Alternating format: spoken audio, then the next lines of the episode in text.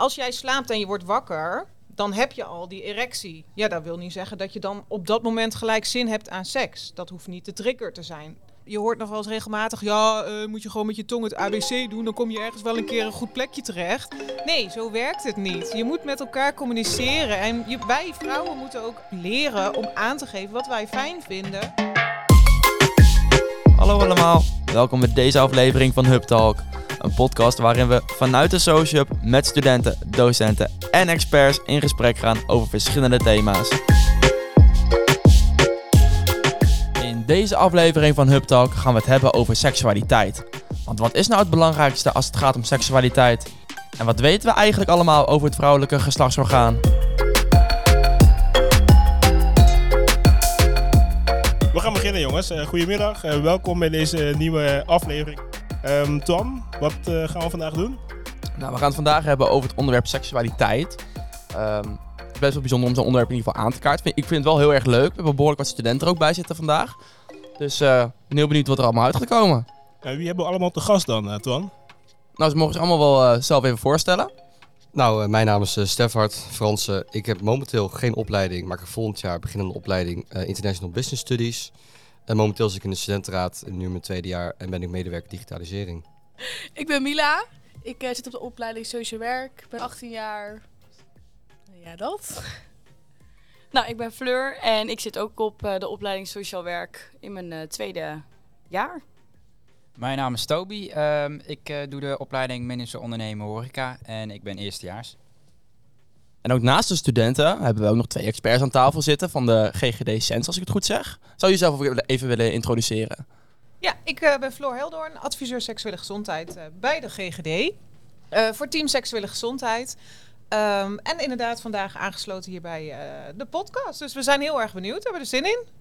En mijn naam is Minke Kruse. Ik werk ook bij de GGD. Ik ben een collega van Floor. Dus wij zijn er vandaag om ook iets te stellen over seksualiteit. Nice, welkom allemaal. Um, om te beginnen, misschien is het handig om eerst de vraag te stellen: wanneer is het veilig om over seks te praten? Want we, we hadden een team van mensen verzameld om hierover te gaan hebben. Maar een deel daarvan hebben zich al afgemeld. Dus is het raar of moeilijk om over seks te praten of over seksualiteit te praten? Floor en Minke. Ja. Nou ja, wat uh, goed is denk ik, uh, normaal als wij beginnen om over dit onderwerp te gaan praten, dan uh, hebben we eigenlijk een aantal afspraken die we altijd maken met groepen of individuen met wie we dit gesprek aangaan omdat we merken dat het soms een heel gevoelig onderwerp kan zijn. Dus afspraken die we maken zijn bijvoorbeeld van je mag dingen met ons delen, maar het hoeft ook zeker niet. Dus geef gerust je grens aan als je denkt, nou, dit is te persoonlijk of dit wil ik helemaal niet met jullie delen. Uh, inderdaad, lachen mag, want het is een heel leuk onderwerp, maar lach elkaar niet uit. Geen vraag is te gek. Uh, dus echt een stukje veiligheid. Telefoons uit dingen die besproken worden binnen deze ruimte, die blijven hier ook. Nou, in dit geval is dat natuurlijk een beetje anders. Uh, maar normaal gesproken, als wij met, uh, met jongeren of docenten of uh, jongere werkers in gesprek gaan, dan is dat wel een van de afspraken die we met elkaar maken. Van hè, dit blijft hier en dat bespreken we niet met anderen. dus dit is ook inderdaad voor de studenten hier. geef gerust aan wat je wel en niet wil delen. En voel je zeker niet verplicht als er een vraag komt om daar antwoord op te geven. Het kan nog zo zijn dat het ook wat ongemakkelijk voelt, het thema, om het te bespreken. Uh, omdat ja, iedereen zijn eigen normen en waarden heeft. En omdat seksualiteit soms nog wel een taboe is. Ook omdat het iets privés is. Al zijn wij van mening dat je ook seksualiteit kan, ja, professioneel kan bespreken. En niet altijd alle privé dingen hoeft te delen. Dat maakt het wel makkelijker. Maar omdat het toch nog wel vaak een taboe onderwerp is, uh, ja, kan het zijn dat wat studenten zich ook hebben afgemeld nu. ja. Maar dan heb ik ook nog wel de vraag van, zit er dan ook wel een grens aan waar dan een uh, zo'n gesprek over seksualiteit moet gaan? Is het dan ook echt wel dat, uh, we praten nu over binnen een school eigenlijk, maar of is het, natuurlijk is het dus heel anders om daarmee over te hebben, bij wij spreken als je in een café zit. Van waar, waar zit dan de grens daadwerkelijk aan? Is het aan de locatie, is het in je omgeving? Misschien kunnen jullie daar misschien uh, iets meer duidelijkheid over geven? Ja, ik denk dat het heel erg persoonsafhankelijk is. Ik kan me voorstellen, hè, dit is natuurlijk mijn werk, praten over seksualiteit, dat het misschien voor mij makkelijker is. Ook omdat ik wel vanuit mijn, uh, ja, mijn gezin thuis, mijn ouders gewend ben om er makkelijk over te praten. Dus zal voor mij de grens misschien anders zijn uh, dan voor een ander die dat helemaal niet gewend is. Of die het eigenlijk altijd heel ongemakkelijk heeft gevonden. Uh, dus ik kan me best voorstellen dat als ik bijvoorbeeld als docent zou werken, dat ik meer zou delen dan dat een andere docent dat doet ik denk wel dat het altijd goed is om ook te checken bij de ander. Kijk, ik kan er wel geen moeite mee hebben, maar ik krijg in mijn werk ook wel eens terug. Jeetje, Floor, dat is wel heel boe, direct. Ik vind het best wel heel heftig. Dus in die zin is het niet alleen mijn grens die ik als professional moet bewaken, maar ook zeker de grens van de ander. Ehm, misschien meteen een check. Dames en heren aan tafel, hoe staan we hierin? Hoe vinden jullie het om het hierover te hebben? Fleur, ik begin bij jou. Nou, ik vind het heel leuk om het erover te hebben. Daarom ben ik ook uh, aangesloten. Ik merk nu wel, nu ik er eenmaal zit, dat ik het wel iets spannender vind. Um, maar ik vind het onderwerp wel, ja, wel gewoon leuk om het over te hebben. Oké. Okay. Um, nou ja, ik merk inderdaad ook wel in mijn omgeving dat het best wel een taboe is. Terwijl ik denk dat het juist heel goed is om hierover te praten. Dus ook vandaar dat ik hier ben aangesloten. En ik kom ook uit een heel open gezin. Dus thuis uh, kan ik daar zeker wel over praten. Ja. Je, je wil die taboe juist doorbreken, zo te horen. Ja, nou wel minder. Ik bedoel, iedereen heeft zijn eigen grens. Iedereen mag zijn eigen grens bewaren. Maar het, volgens mij is het niks raars. Dus ik denk dat dat er af moet. Ja. Helder. Het is wel mooi dat je dat zegt. Het is niks raars. Omdat iedereen op zijn eigen manier natuurlijk een seksuele ontwikkeling heeft. En iets met seksualiteit heeft. Hè? En de een heeft er meer mee dan de ander. Uh, maar seksualiteit zit in iedereen van ons. Iedereen maakt een seksuele ontwikkeling door. Daar heb je geen invloed op. Hè? Dat je op een gegeven moment in die puberteit komt. Ja, dat is overal zo. Dus het is heel jammer om het er niet over te hebben. Want iedereen heeft, het, hè, heeft ermee te maken en komt het tegen in zijn leven. Dus uh, ja, heel mooi juist alleen maar. Nou, fijn. En, en de heren dan? Uh, en Toby? Ja, uh, thuis praten wij vaak genoeg wel over seks of over andere dingen. Um, iedereen lachend aan tafel. Maar um, uiteindelijk, uh, waar het eigenlijk een beetje om gaat, is van dat uh, ik vind ook dat het niet raar moet zijn om erover te kunnen praten. Het, moet het is eigenlijk gewoon iets natuurlijks. En ja, waarom zou je uh, daar niet over praten? Ja, ik vind het hele onderwerp niet heel veel meer bijzonder dan elk ander onderwerp. Ik kan net zo makkelijk over seks praten als bijvoorbeeld over het weer of zo. Dus ja, ik heb er nooit echt een, een zwaarte aangevoeld, zo dat hele onderwerp. Er zit denk ik ook nog wel een verschil tussen of je echt iets privés moet delen, hoe je seksleven was de afgelopen maanden, of dat je het praat over het algemeen onderwerp seksualiteit. Want seksualiteit is veel breder dan seks, alleen de vier letters. Seksualiteit is veel meer dan dat. Je lichaamsbeeld, relaties, hoe je met elkaar omgaat, et cetera.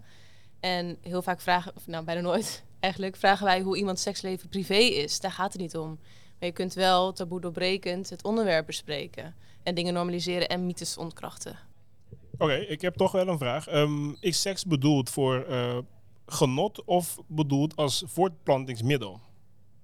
Wat is het nut van seks eigenlijk? Ik, ik, voordat je antwoord geeft, um, in som, sommige mensen zien het ook als een, een primaire levensbehoefte. Is dat zo of juist niet?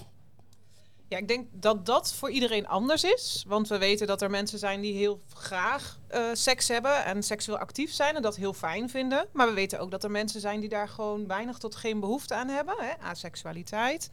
Um, dus ik denk dat dat antwoord niet voor iedereen universeel is. Dat is gewoon voor iedereen helemaal anders. En dat is oké, weet je. Ga daarin op zoektocht en ga kijken wat bij jou past.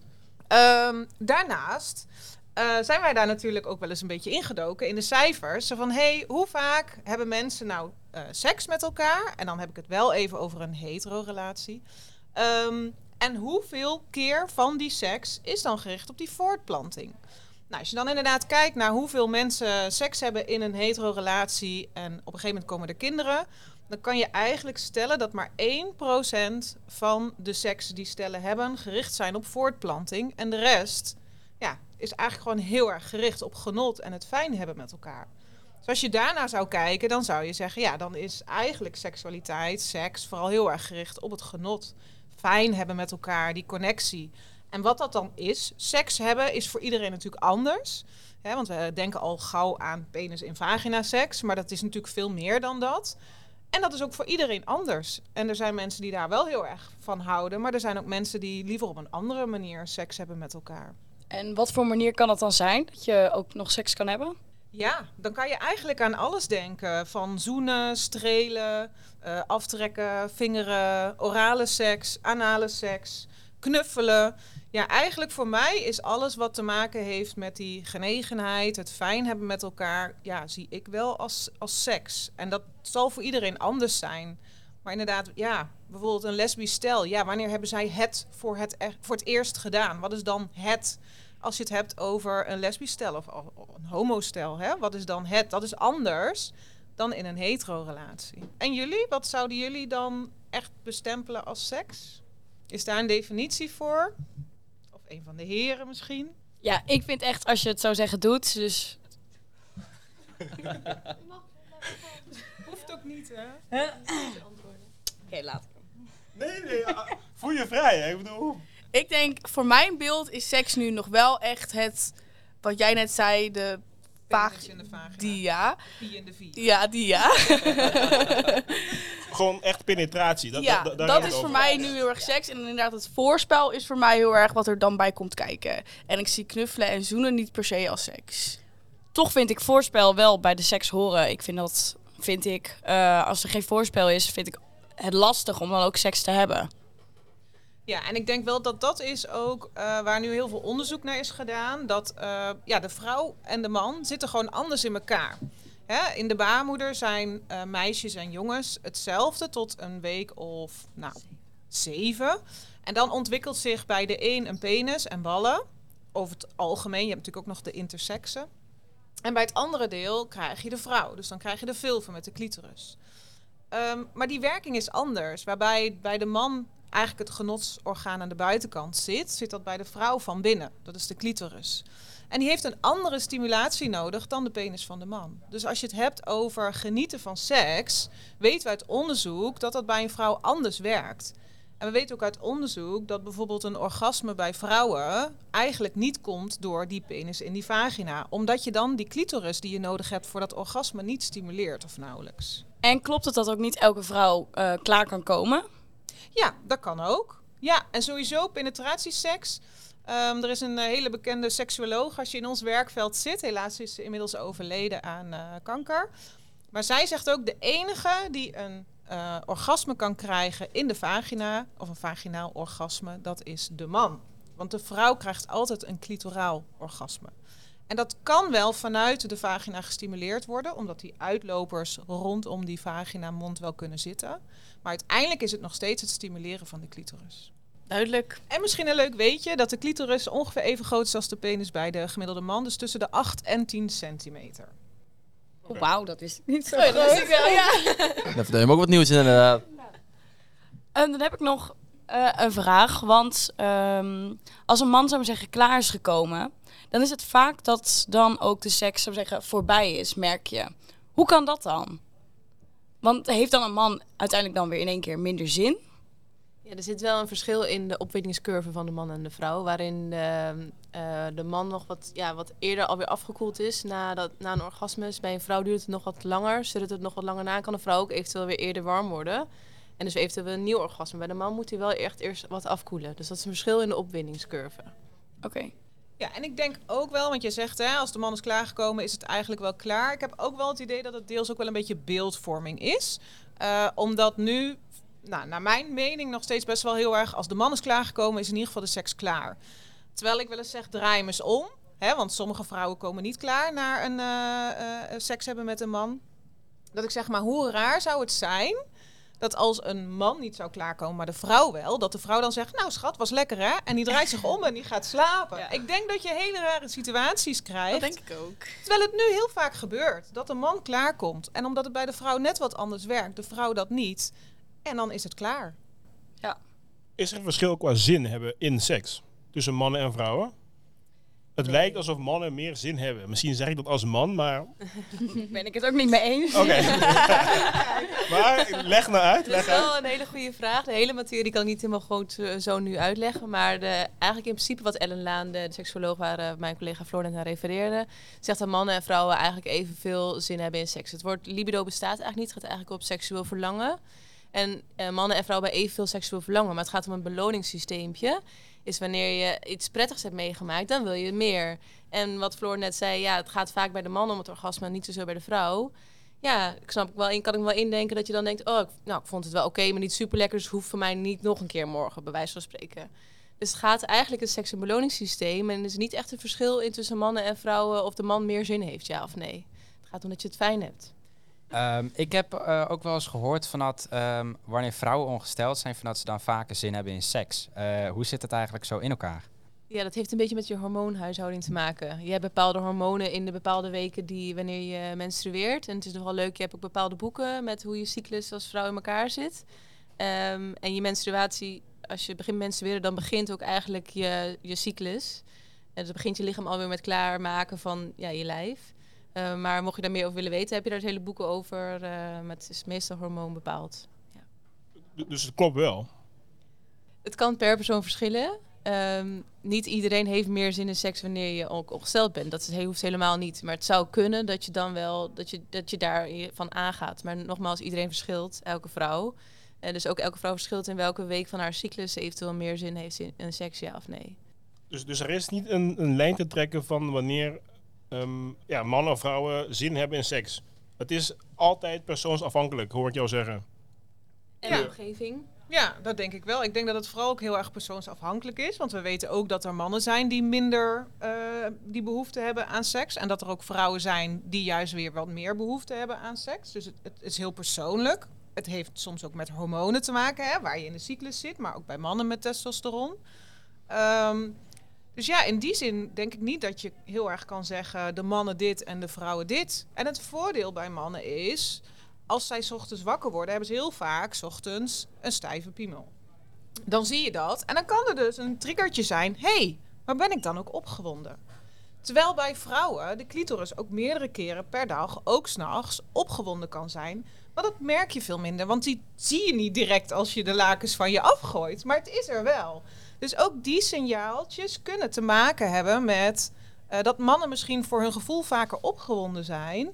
Maar het kan ook een soort trigger zijn, hè, dat ze helemaal niet opgewonden zijn. Maar ja, als die penis in erectie is, dat ze dan denken: oh, maar, maar ben ik dan wel misschien opgewonden? Heb ik wel zin? En dat kan weer een trigger veroorzaken, doordat je dan ook echt opgewonden raakt. En dat verschil tussen mannen en vrouwen is natuurlijk best wel aanwezig. Een, een, een erectie betekent niet per se dat je zin hebt in seks. Nee, nee. Je kan ook gewoon een, uh, uh, een erectie hebben zonder dat je zin hebt in seks. Weet je, als jij slaapt en je wordt wakker dan heb je al die erectie. Ja, dat wil niet zeggen dat je dan op dat moment gelijk zin hebt aan seks. Dat hoeft niet de trigger te zijn dat lichaam doet dat ook gewoon vanzelf. Omdat, om die werking zeg maar gewoon goed te houden. Dat dat blijft werken. En een vrouw heeft hetzelfde. Alleen dat merk je veel minder. En als je er heel alert op bent, zou je het best kunnen merken en voelen. Hè? Want je vulva-lippen worden ook opgezwollen. Maar het is veel minder zichtbaar dan bij een man. We gaan nu al best wel de diepte in over uh, genot en plezier. Dat, dat, is ook iets wat wij eigenlijk heel graag willen uitdragen. Willen ik heel graag ook hebben over positieve seksualiteit. Uh, want in ons werk trainen wij voornamelijk professionals. Hebben we het ook wel vaker over um, nou, onbedoelde zwangerschappen of tienerzwangerschappen of anticonceptie. Nou, loop geen SOA's op, et cetera. Maar juist bespreken van wat zijn je wensen, wat vind je prettig en hoe werkt je lijf. Die kennis geven, dat helpt ook weer beter om te weten wat eventueel niet oké is. Dus nu hebben met jullie over positieve seksualiteit vind ik heel fijn. Ook dat de studenten bij zitten. Uh, want dat is denk ik iets waar we met z'n allen naartoe moeten. Want laten we uitgaan van het. En daarna heeft ook de eventuele ja, risico's benoemen, maar de positiviteit voorop.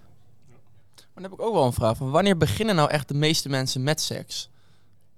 Welke leeftijd of welk moment? Ja, nou dat is een heel mooi onderzoek. Elke vijf jaar wordt er een nieuw onderzoek gedaan. Dat heet Seks onder je 25ste. Dat wordt dus uh, afgenomen bij jongeren tot 25 jaar.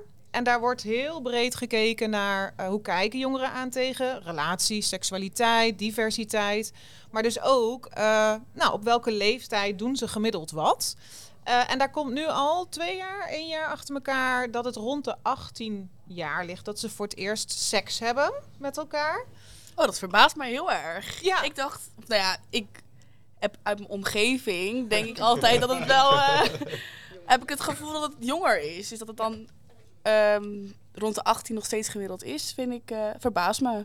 Ja, en er zijn natuurlijk jongeren jonger en er zijn jongeren ouder. Um, dus dat, dat is natuurlijk, het is een gemiddelde. Um, maar wat we ook nog wel eens zien, aan de ene kant is dat het soms wat grote sprake is. Dat ze zeggen, oh ja, maar dat heb ik allemaal al gedaan. Ik weet alles al, je hoeft niks meer uit te leggen. Maar als je dan verder gaat, dat je merkt, ja, ergens misschien ook een stukje groepsdruk. Of het gevoel hebben dat je mee moet doen. En dat je anders misschien niet meetelt. Um, maar tuurlijk, er zijn ook jongeren en daar is niks mis mee. Hè? Dus het is helemaal prima. Als jij je helemaal lekker voelt en je gaat ervoor en je hebt het fijn met elkaar, dan ja, doe het vooral. Maar we merken wel dat de leeftijd omhoog gaat. Ja, het is heel lang 17 geweest en nu is het dus ruim 18, 18,6. En één van de redenen eh, wat ze aangeven is sowieso de alcoholleeftijd. Die is in die periode van 16 naar 18 gegaan. Dus dan zie je ook weer wat alcohol doet met je remmingen, hè, met je grenzen aangeven. Maar ook een stukje eh, eh, perfecte plaatje. hey, ik zie dingen online, maar mijn lijf ziet er niet zo uit. Oh, oh, dan ben ik misschien nog niet helemaal, hè? Dan moet ik eerst nog meer sporten en beter op mijn voeding letten. Of onzekerheid over lichaamsdelen, zowel bij jongens als bij meiden. Er wordt veel porno gekeken, dus dat is een referentiekader die natuurlijk niet klopt eh, met hoe mensen er in het echte leven uitzien. Dus, dus er zijn best wel heel veel ja, redenen waarom de leeftijd ook wel steeds verder omhoog gaat. En wordt er dan specifiek gekeken naar jongens-meisje? Of wordt er dan ook gekeken naar andere ge- geaardheden? eh, dus jongens, jongens, meiden, meiden. Ja, dat is een hele goede vraag. Deze cijfers gaat over heteroseksueel, geloof ik. Maar dat zeg ik even uit mijn hoofd. En kun je ook weten wanneer je klaar bent voor seks? Want ehm, sommige mensen beginnen er heel vroeg mee. En inderdaad misschien een stukje groepsdruk. Maar kun je bij jezelf ook weten, nou nu ben ik er klaar voor? Of is dat gewoon een gevoel dat op dat moment er moet zijn? Ja, hangt denk ik voor meerdere, eh, van meerdere eh, ja, dingen af. Dus het kan zijn dat je denkt, ja, ik ben er helemaal klaar voor, ik ga dit doen. En je hebt een heel mooi plannetje gemaakt. Eh, maar dan kan het nog steeds zijn dat je gaandeweg op een gegeven moment denkt... oh nee, maar ik dacht echt, ik ben helemaal klaar voor en ik wil dit. En dat je dan toch denkt, maar het voelt gewoon niet goed. Weet je, dan zeggen wij ook, dan mag je altijd zeggen... nee, ik ben toch nog niet zo ver, ik wil dit heel graag met jou, maar nu toch nog niet. Eh, het kan zijn inderdaad dat je je laat overhalen of dat je het gevoel hebt dat je, ja, anders doe ik niet mee. Iedereen heeft het al gedaan, nou laat ik het dan ook maar doen. Eh, ik denk dat het vooral heel belangrijk is dat je voor jezelf moet voelen, hey, voelt dit goed, ja of nee? En dan kan het zelfs ook nog zijn dat je achteraf denkt, hmm, ik heb er nou toch eigenlijk wel een beetje spijt van. Of, of misschien valt het tegen. Eh, en ik denk dat het alles oké is als je maar blijft praten met elkaar. Ga geen A zeggen en ook denken dat je B moet zeggen. Dus hou die ruimte en wil je toch niet, trek gewoon aan de bel en zeg, joh, ik weet het gewoon niet goed. Ik begin toch in één keer weer te twijfelen. Eh, maar ook achteraf, als je dan toch denkt, hmm, ben misschien toch iets verder gegaan dan ik wilde. Op zich is dat helemaal niet erg. Want we weten, die eerste keer, het is toch allemaal een beetje rommelig. En seks blijft eigenlijk altijd wel een beetje rommelig, vind ik. ja, ja, dat hoort er gewoon bij. Het is, niet, het is geen perfect iets. En juist ook door soms wel misschien net die grenzen op te zoeken, leer je ook wat je dus absoluut niet wil. Ik heb ook vroeger wel eens dingen gedaan en ik achteraf dacht, oh nee, dit was toch echt niks voor mij. Of ik voel me hier niet lekker bij. Dat was voor mij toen oké, dat is niet voor iedereen zo, maar voor mij was dat toen oké. om dan het besef te hebben, dit ga ik dus gewoon niet meer doen. Want dit is niet waar ik blij van word. Dit is, vind ik niet lekker of vind ik niet fijn. Uh, maar een beetje rommeligheid en een beetje, nou ja, afstemmen en zoekende. En vooral blijven praten. Dat, ik denk dat dat het allerbelangrijkste is. Want wat wij heel veel terug horen uiteindelijk van jongeren is dat ze allemaal onzeker zijn. En eigenlijk allemaal niet zo goed weten wat ze aan het doen zijn. En vooral die eerste paar keren is het gewoon uitzoeken. hey, hoe past het nou het beste? En wat is het lekkerste standje? En wat werkt voor mij en wat werkt niet? Dus ja, laat dat rommelige ook een beetje gebeuren, denk ik dan altijd maar. Maar hebben we net gehad over wanneer beginnen dan de meeste mensen met seks. En dan gaan we ook een beetje, toch een klein beetje een negatief punt. Wanneer stoppen de meeste mensen eigenlijk dat werken met seks? Vind ik ook wel een interessante.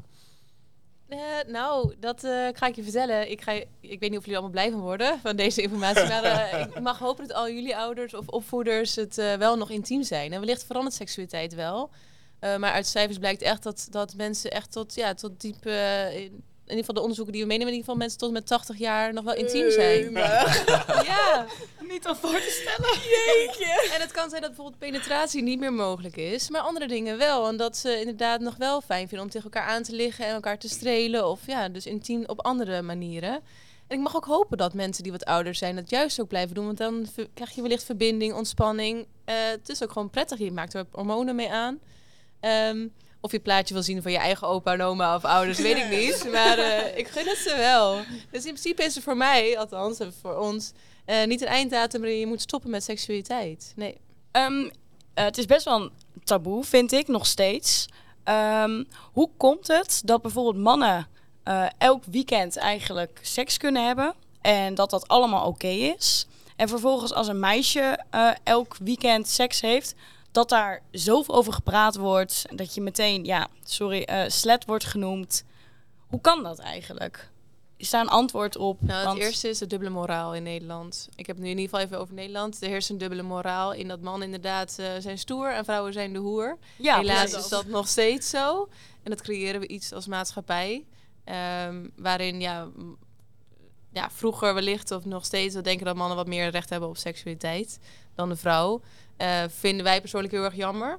Eh, want wij hopen dat die dubbele moraal eh, snel eraf gaat. Want iedereen mag genieten van seksualiteit. Of je een man of vrouw bent. En het maakt niet uit hoeveel bedpartners of juist helemaal niet. Alles is oké. Iedereen mag zelf zijn eigen keuzes maken. Of je nou man, vrouw of wat dan ook bent. Ja, want het wordt altijd, vind ik dan altijd zo'n verschil gemaakt van zoenen of seks hebben. En dan is het altijd niet erg dat je zo vaak zoent, maar bijvoorbeeld dat je elk weekend seks hebt, is het gelijk van wow, dat is wel bizar. Ja, en inderdaad, het dubbele moraal. En dat ligt heel diep geworteld in onze cultuur. Hè? Want als we helemaal teruggaan, echt heel ver terug naar bijvoorbeeld Freud. eh, ja, die was van de hysterie van de vrouw. Hè? Dus die moest één keer klaarkomen. Want van die hysterie, dus het, eigenlijk hè, het zin hebben in seks. Ja, dat was niet oké voor een vrouw. Daar werden ze hysterisch van en dat was niet oké. dus dat moest behandeld worden. Dus als je zo ver al terugkijkt dat daar eigenlijk al het ontstond, hè, dat het vrouwelijk genot er niet mocht zijn. Dat was iets heel negatiefs. En de man, eh, zijn genot mocht er wel zijn. Ja, en dat is eigenlijk best wel heel lang blijven bestaan. De clitoris, die is al heel lang bekend dat hij er zo uitziet. Maar die wordt gewoon elke eeuw weer opnieuw door iemand uitgevonden... die denkt dat hij het ei van Columbus heeft gevonden. Maar we weten al, nou, weet ik veel hoe lang... dat hij er zo uitziet en dat hij zo werkt en hoe dat gaat. En dus dat zie je, dubbele moraal. Het genot van de vrouw is gewoon altijd achtergesteld... eh, negatief gezien... Eh, ja, soms denk ik ook wel eens misschien een stukje onderdrukking. Hè? Sowieso de rechten van de vrouw waren vroeger minder belangrijk dan van de man. Eh, en dat heeft nog steeds wel echt, denk ik, zijn doorwerking in nu. Ja, dat zie je ook in de voorlichtingen, als je ze überhaupt krijgt. De voorlichtingen. Ehm, eigenlijk weet je heel veel uiteindelijk over een penis, maar niks van het vrouwelijke geslacht. Je, je hoort er heel weinig over.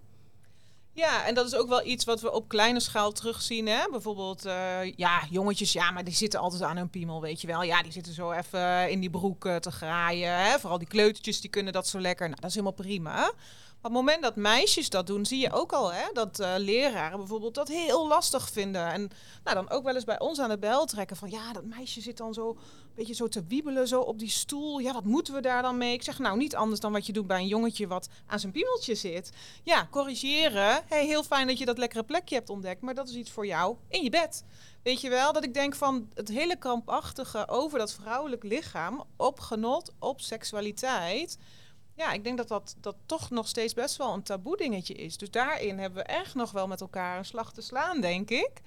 Ehm, maar ja, ik, wij zijn heel erg voor de, de anatomie en niet eens gericht op alleen maar dat die seks zo belangrijk is.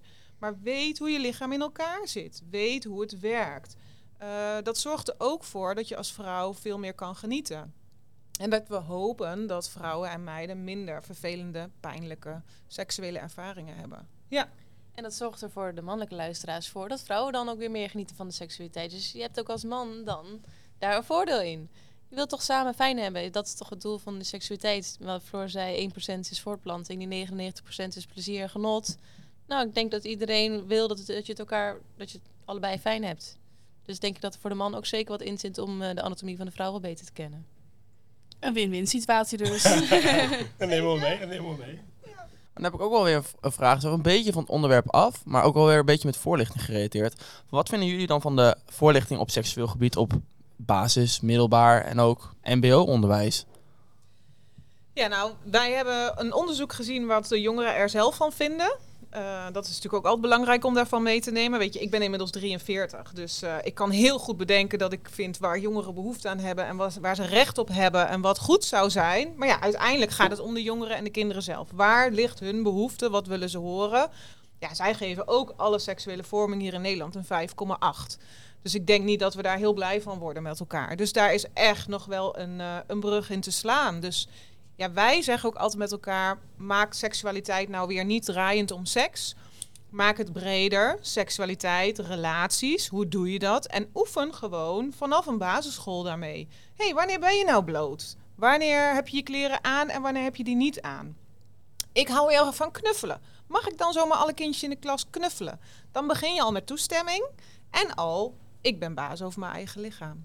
Nou, ik vind het dan ook een mooie om bij zo'n voorlichting ook te vertellen van elk lichaam is ook mooi. Ja.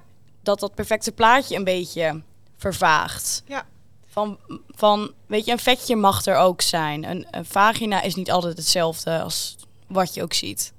Nee, en daar zit natuurlijk hè, dat hele instamen, ook porno heeft best wel een hele grote invloed daarop. Dat we alleen het perfecte lichaam zien. En dat het juist over die diversiteit moet gaan. Dat iedereen zijn eigen lichaam heeft en dat iedereen zijn lichaam mooi is. Uh, maar ook juist heel erg uniek. En dat maakt het juist zo mooi. Want hoe saai zou het zijn als we allemaal hetzelfde zouden zijn en hetzelfde leuk zouden vinden? Ja, dan wordt het eigenlijk een hele saaie wereld. Dus juist die diversiteit maakt het zo leuk en zo spannend. Uh, en dat iedereen daar zijn plekje in heeft. Ja, zeker. Mooie aanvulling. En seksualiteit verschilt ook per persoon, denk ik, wat daaronder valt. Uh, het kan per persoon verschillen, seksualiteit inderdaad, of je lichaamsbeeld of uh, relaties, of uh, inderdaad tot welke leeftijd of wat intiem zijn, of daaronder valt ja of nee. Voor mij persoonlijke seksualiteit heel breed, maar dat kan dus ook voor iedereen weer verschillen. Maar je noemt net relatie. Neem, neem ons mee. Um... nou, je hebt verschillen in de vormen van relaties. Je kan een relatie hebben met je collega of een relatie met uh, bijvoorbeeld je collega's van Deltion.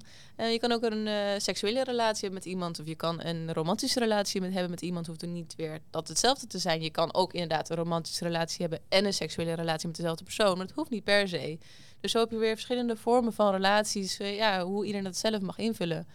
Dus die verschillen zijn er, wat juist wij heel mooi vinden. Ja, ik denk dat het inderdaad goed is om je te realiseren dat er meerdere manieren van relaties aangaan zijn. En ik denk dat het juist heel mooi is als je dat dus al op een basisschool kan gaan uh, nou, meenemen voor die kinderen. Hè? Dat, je, dat je aangeeft van hé, hey, bijvoorbeeld uh, op een stuk uh, oud behang dat je een lichaam zo omtrekt en dat je dan zegt, hé, hey, wat zijn nou plekjes waar de juf jou mag aanraken? Hè? Bijvoorbeeld op je schouder of op je arm. En wat zijn dan plekken wat oké is als papa of mama jou daar aanraken? Of hè, dat je dan al leert dat er verschillende manieren van aanraking zijn, maar ook verschillende manieren van een relatie hebben hey, uh, dus ik ben jouw juf, dat is misschien anders dan jouw vader of je moeder, uh, of een oom of een tante, of wie er dan ook in jouw naaste omgeving zit. hey, maar hoe doe je dat dan met klasgenootjes? Wat ik net al zei, mag je die een knuffel geven zomaar? Of als iemand dat heel ongemakkelijk vindt, ja, misschien is het dan beter om samen iets anders af te spreken. Tegenwoordig zie je ook wel eens van die leuke nieuwe begroetingen, hè, dat kinderen zelf mogen aangeven op vier opties bijvoorbeeld. hey, wil je een high five? Wil je zwaaien? Wil je een knuffel? Of wil je een dansje doen? Eigenlijk ben je dan al bezig om die kinderen zelf te laten voelen: hey, wat voor persoon ben ik? Waar hou ik van? Wat vind ik eigenlijk prettig? Dus je gaat heel erg op zoek naar je wensen. Wat vind ik fijn? Wat vind ik leuk? Maar je leert ook je grenzen aan te geven. En bij mij is de ene dag soms ook een knuffeldag. Maar heb ik ook wel eens een dag dat ik denk: laat me maar gewoon even. Ik heb er even geen zin in. En het mooie is dat je op die manier met hele jonge kinderen supergoed kan oefenen van: hey, hoe voelt dat nou? En ga nou eens bij jezelf voelen wat dat met jou doet. En is het dan oké of niet oké? En dat je dan daarin al heel vroeg die relaties, maar die ook die wensen en die grenzen gaat oefenen. En dat zorgt denk ik heel erg voor die weerbaarheid. Dat ze dat later ook weer toe kunnen passen in relaties op bijvoorbeeld seksueel gebied. Of echt een relatie aangaan in de zin van hè, een, een partner. Want het vormt je uiteindelijk toch. Zeker. Ook wat je allemaal met de kleuters dan bijvoorbeeld met zo'n begroeting. Ik heb zelf ook dan in het uh, basisonderwijs ook gezeten. Van hoe belangrijk een begroeting ook is voor zo'n kind. Dan nog wel toevoegend daarbij dat het ook weer per cultuur verschillend is. Zeker. Inderdaad, want Floor haar voorbeeld ook heel mooi is. Ja, kan, kunnen sommige culturen juist ook echt regels hebben met bepaalde begroetingen of bepaalde aanrakingen. Of met wie je eventueel een relatie aan kan gaan. Dat je maar één keer voor het huwelijk. Um, geen goed of fout, maar zo heeft iedereen ook weer zijn eigen normen en waarden daarin.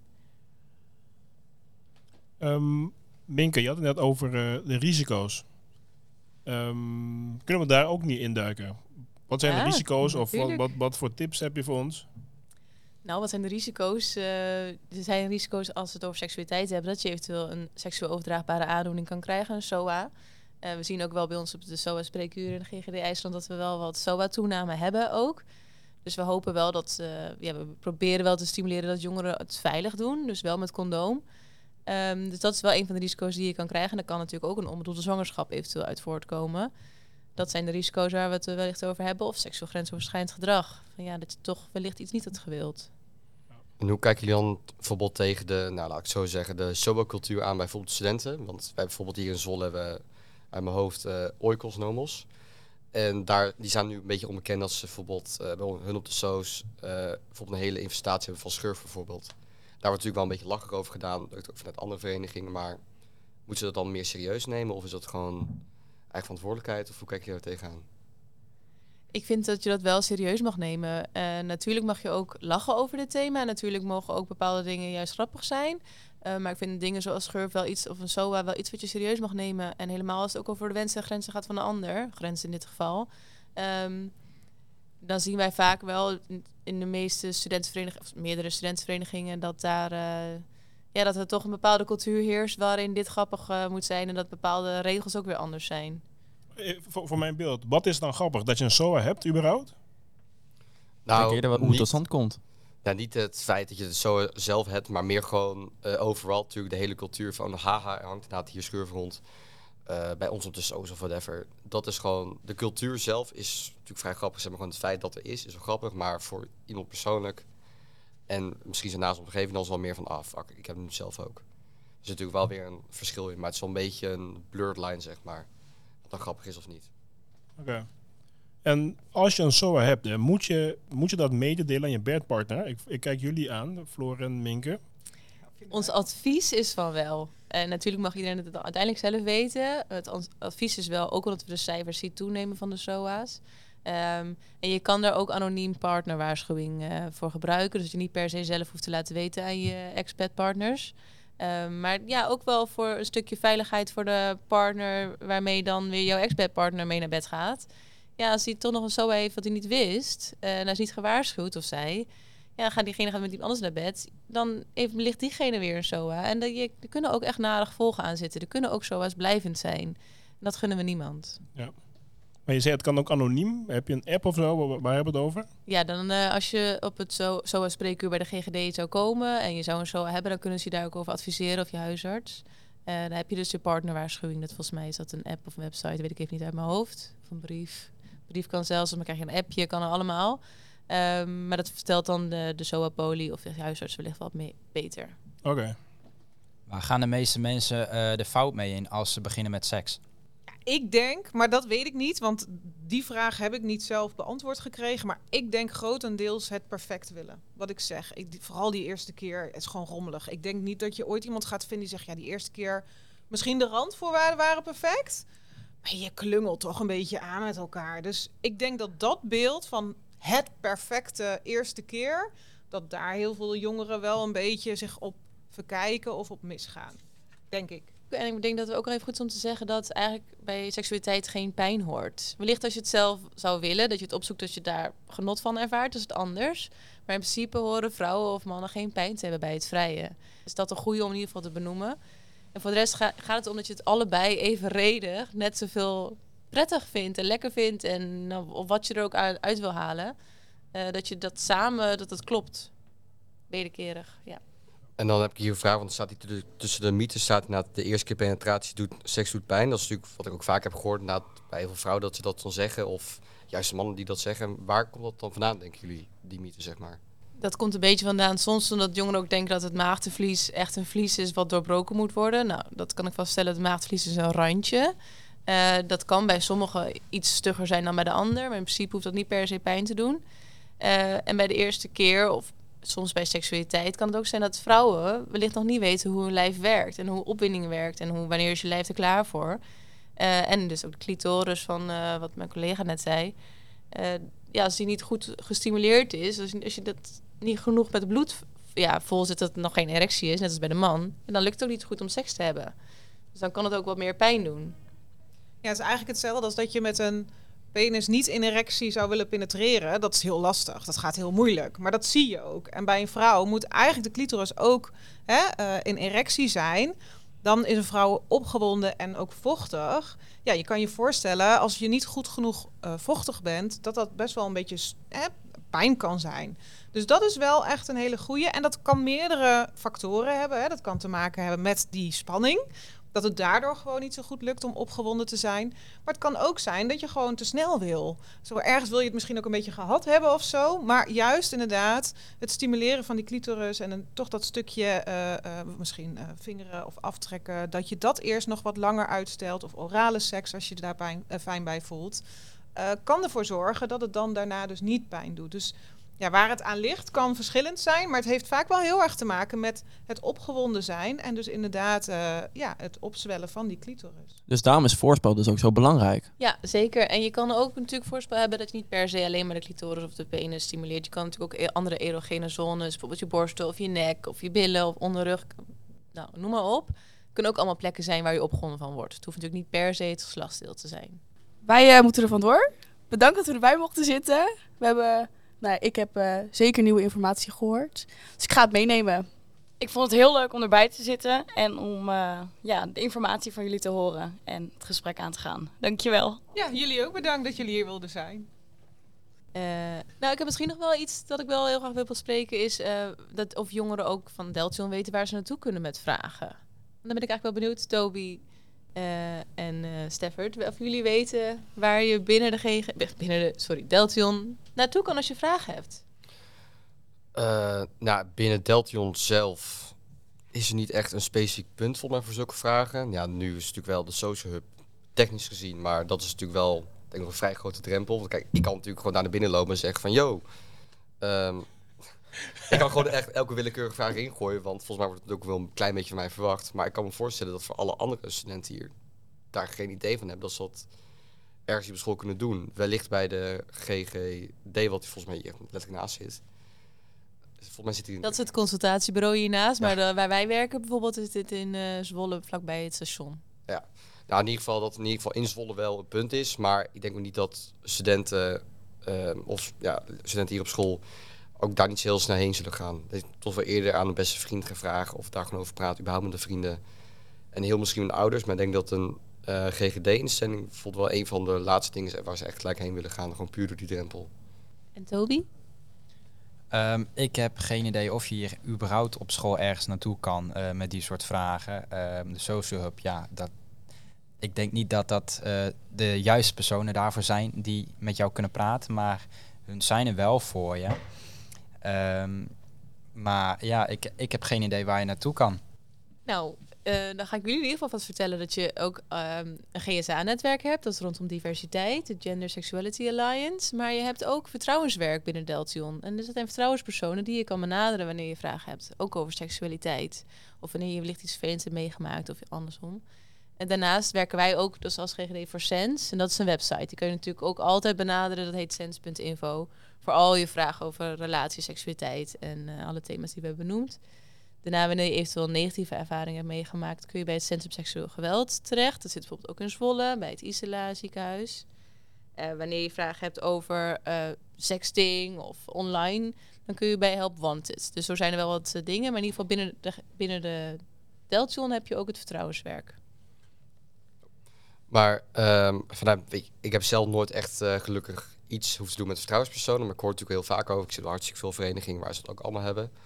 Maar volgens mij is het toch wel vaak eh, nou, een beetje de, de connotatie of in ieder geval de associatie met vertrouwenspersonen dat vaak heel snel negatief is. Dat je alleen maar heen kan gaan voor, hey, ik heb iets heel ongelooflijk kuts meegemaakt. eh, ik wil erover praten. Maar dus als ik het goed begrijp, van jou, vanuit jouw kant, zijn vertrouwenspersonen er ook voor, gewoon voor hele normale vragen. Ja, normale vragen wellicht niet, maar wel vragen die je wellicht niet ergens anders kan stellen, ja. En misschien kan je ook wel bij de Social Hub terecht, hè, want er zitten ook hele leuke eh, docenten bij de Social Hub. En kunnen zij je ook nog weer verder helpen, gericht met de vragen die je hebt, ook eh, als het iets over iets anders gaat dan seksualiteit. Volgens mij kunnen we een beetje richting het einde toe. Stefart, heb je nog eh, dingen? Of, eh, Eh, nou, ik heb zelf eigenlijk niet echt vragen. Ja, ik zie natuurlijk allemaal hartstikke leuke stellingen staan, maar daar zou ik best wel op eh, over willen praten, maar ligt aan wat jullie willen. Zou die ze zelf willen vertellen, de stellingen eventueel? Ja, dat willen we wel. Ehm, nou, de eerste, die kunnen we eigenlijk wel even overslaan. Want dat is eh, jongeren hebben steeds jonger seks. Nou, die hebben we eigenlijk natuurlijk al met elkaar eh, beantwoord. En de tweede is, voor seksuele voorlichting kun je ook porno kijken of gebruiken. Dus, kijk ik even hier om me heen. Wat vinden jullie daarvan? Nou, ik denk dat het een heel klein beetje dubbel ligt, omdat eh, porno alleen gebruiken als seksuele voorlichting is sowieso geen goed idee, lijkt me. Maar wellicht dat je ooit denkt van, oh hey, ik heb geen idee hoe dat eruit ziet of dat het gaat. Dat je dan wel een soort van idee voor jezelf kan creëren, maar dan wel in samenwerking met een legitieme seksuele voorlichting. stelling nummer twee. Stelling nummer twee. Ja. Oké, wat nog een mooie stelling is, is eigenlijk de morning after pill breekt een zwangerschap af. Wat denken jullie? Denken jullie dat de morning after pill een zwangerschap afbreekt? Dus mocht je onveilig hebben gevreden en neemt de volgende dag een morning after als vrouw, ehm, ben je daarna helemaal 100% verzekerd? Ik denk het Eh. niet. Ik denk dat tegen geen enkel voorboedsmiddel is dat 100% eh, ja, eigenlijk het, het voorkomt, om zo te zeggen. Ja, het is sowieso geen 100% toch? Ik, volgens mij is het ook altijd iets van 98% of 97%. Klopt, alle anticonceptiepillen zijn inderdaad niet 100... of an- Maar het breekt ook niet af, toch? Het, het voorkomt juist, of... Ja, ik weet niet precies hoe dat werkt. Ik ben zelf nog nooit zwanger geweest. Maar ik ga ervan uit dat het inderdaad gewoon voorkomt in plaats van gelijk afbreekt. Want voor mij word je niet zo snel zwanger per se. Oké, wat denken jullie? Ehm, ik weet eigenlijk helemaal niet hoe een morning after pill werkt. Ja, ik denk je neemt hem in en dan is het gewoon weg. Dan word je niet meer zwanger. Dat zou ik denken, maar Dat snap ik ook, want dat denken heel veel mensen. Maar in principe breekt de morning after pill niet zozeer iets af. Alleen het stelt de ijsprong uit. Dus mocht je als vrouw net een ijsprong hebben gehad... en je neemt dan een morning pill, je hebt dus onveilige vrede... maar dan heb je dus wel al een ijsprong gehad... dan kan dus het zaadcel wel bij de eicel komen.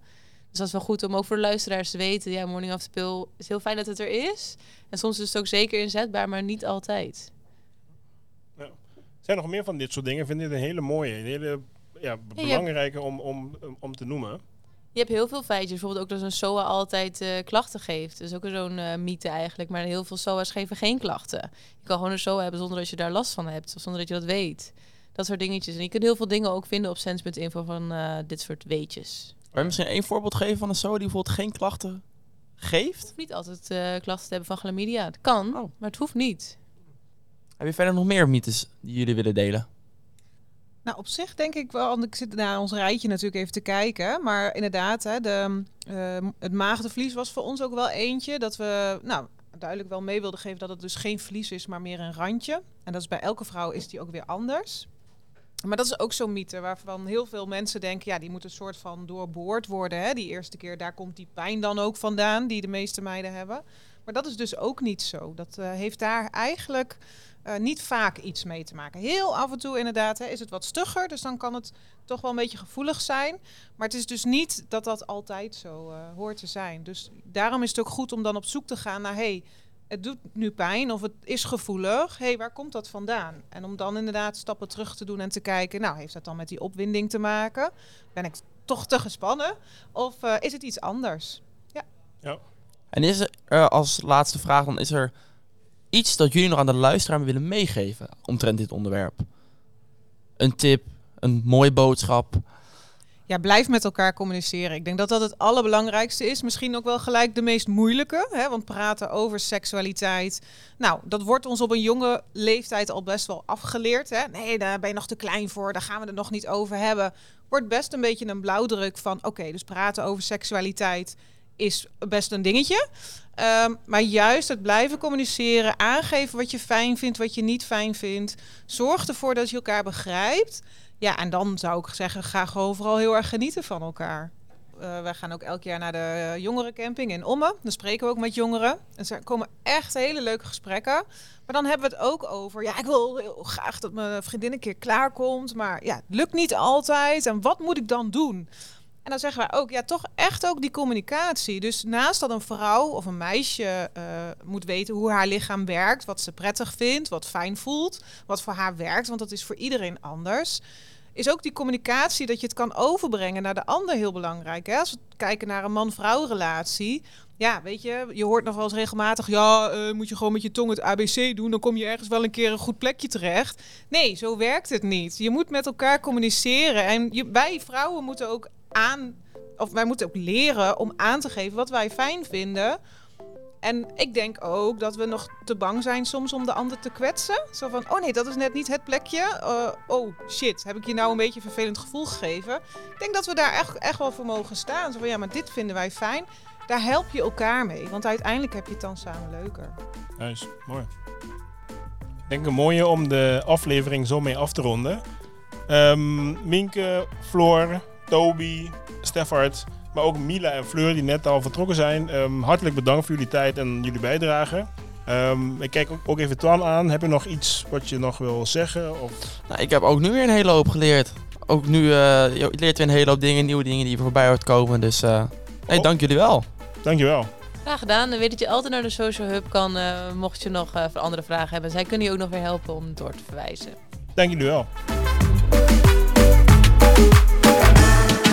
Dit was weer een aflevering van Hub Talk. Bedankt voor het luisteren. Wil je meer weten over Hub Talk? Reageren op een aflevering, meedoen of in contact komen met de Social Hub? Volg ons dan op onze socials. Social Hub Deltion. Daar vind je de laatste updates van Hub Talk en activiteiten van de Social Hub. Tot de volgende!